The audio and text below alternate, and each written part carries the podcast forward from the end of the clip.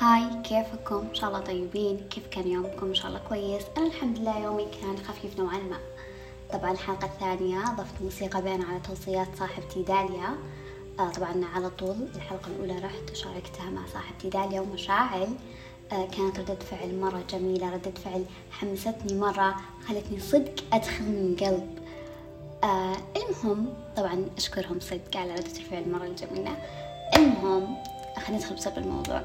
اليوم حبيت أشارككم بحاجة اقتنعت فيها صدق اللي هي إنه الشخص هو اللي هو اللي يحدد الناس إيش تنظر له. يعني الناس ما راح تاخذ فكرة عنك عبث ما راح تاخذها من وحي الأحاسيس والخيال لا. الأفكار اللي الناس تاخذها أنت اللي تحددها بطريقة كلامك بتصرفاتك بأفكارك بطريقة حوارك. هي هذه كل الأشياء هي اللي الناس تاخذ صورة عنك. فعلى المثل اللي يقول لسانك حصانك إن صنته صانك وإن هنته هانك أتوقع أنه كذا. ففعليا هذا المثل حقيقي. إن أنت بكلامك بأسلوبك الناس تاخذ فكرة عنك. يعني ما حد راح ياخذ فكرة عنك كذا. فعليا لما أحيانا نقول كلام وزي كذا إحنا ما نقصد بس الناس دائما تقول تاخذ الفكرة بناء على هذه الكلمة اللي أنت قلتها. يعني عادي مثلا أنت تقول كلام كله جميل جدا بس كلمة واحدة يعني عادي الناس هذا الكلمة هي تبني عليها أفكار وأشياء وتبني عليها تصرفاتك أنت. ففعليا علينا مو علينا يجب علينا المهم طبعا هذا ثاني بودكاست لي فتجاهل التكليجات تجاهل كل شيء.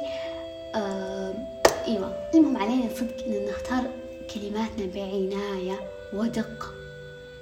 ليش طيب نختارها بعناية ودقة؟ أول شيء عشان ما ما ناخذ بطريقة ما نفهم بطريقة خطأ. ثاني شيء عشان ما نجرح أحد. صدق. صدق يعني لما تجون تتكلمون لما تجون تتكلمون لما تجون تقولون كلام لأحد فكروا مية مرة بليز عشان أخي ما تكسرون خاطر أحد. ترى عادي أحيانا أنت تقول سالفة كذا عابرة لكن في وسط هذه السالفة أنت يعني تقول قطات قطات شنو قلبت قلتي؟ المهم تقول دبات ما أمها داعي على الشخص. ترى الشخص يضحك شوي بس إنه معليش والله تقعد بالخاطر. يا كثر الأشياء اللي قعدت بالخاطر. ففعليا بليز أنا أتمنى من الكل إنه يختار كلماته بعناية حتى لو كان الشخص مرة معك ومرة طيب وكويس معك ويضحك على ذباتك اللي ما لها داعي ترى من داخل مرة يتألم. يعني ما تدري يمكن أنت قلت ذبة على الوتر الحساس فهو دائما يعدل على هذا الوتر تجي بكل بساطة أنت بكل منتهى الفكاهة تقول كلمة يعني تخرب كل الأشياء اللي هو قاعد يصلحها. فجد دائما اختاروا كلماتكم بعناية. تمام. وبس طبعا أنا إنسانة ترى مالي عالمة ولا لي دارسة ولا شيء. أنا قاعدة بس أشارككم أفكاري والأشياء اللي دائما أفكر فيها وال كذا يعني بس. طبعا عشان نرتقي مع بعض مثل ما قلت في البودكاست الأول. آه وطبعا دائما أحب أشارك الناس أفكاري لأن أحيانا نصير عندنا أفكار مغلوطة فلما نشاركها مع أحد يصححها لنا وتغير مفاهيمنا. فلذلك أحب أقول لكم شاركوني بأفكاركم على الإنستغرام حاطتها بالبودكاست نوف العوفي. شاركوني بأفكاركم قولوا لي إيش رأيكم بكلامي هل هو صحيح أو لا؟ وقولوا لي إذا كان في عندكم وجهة نظر.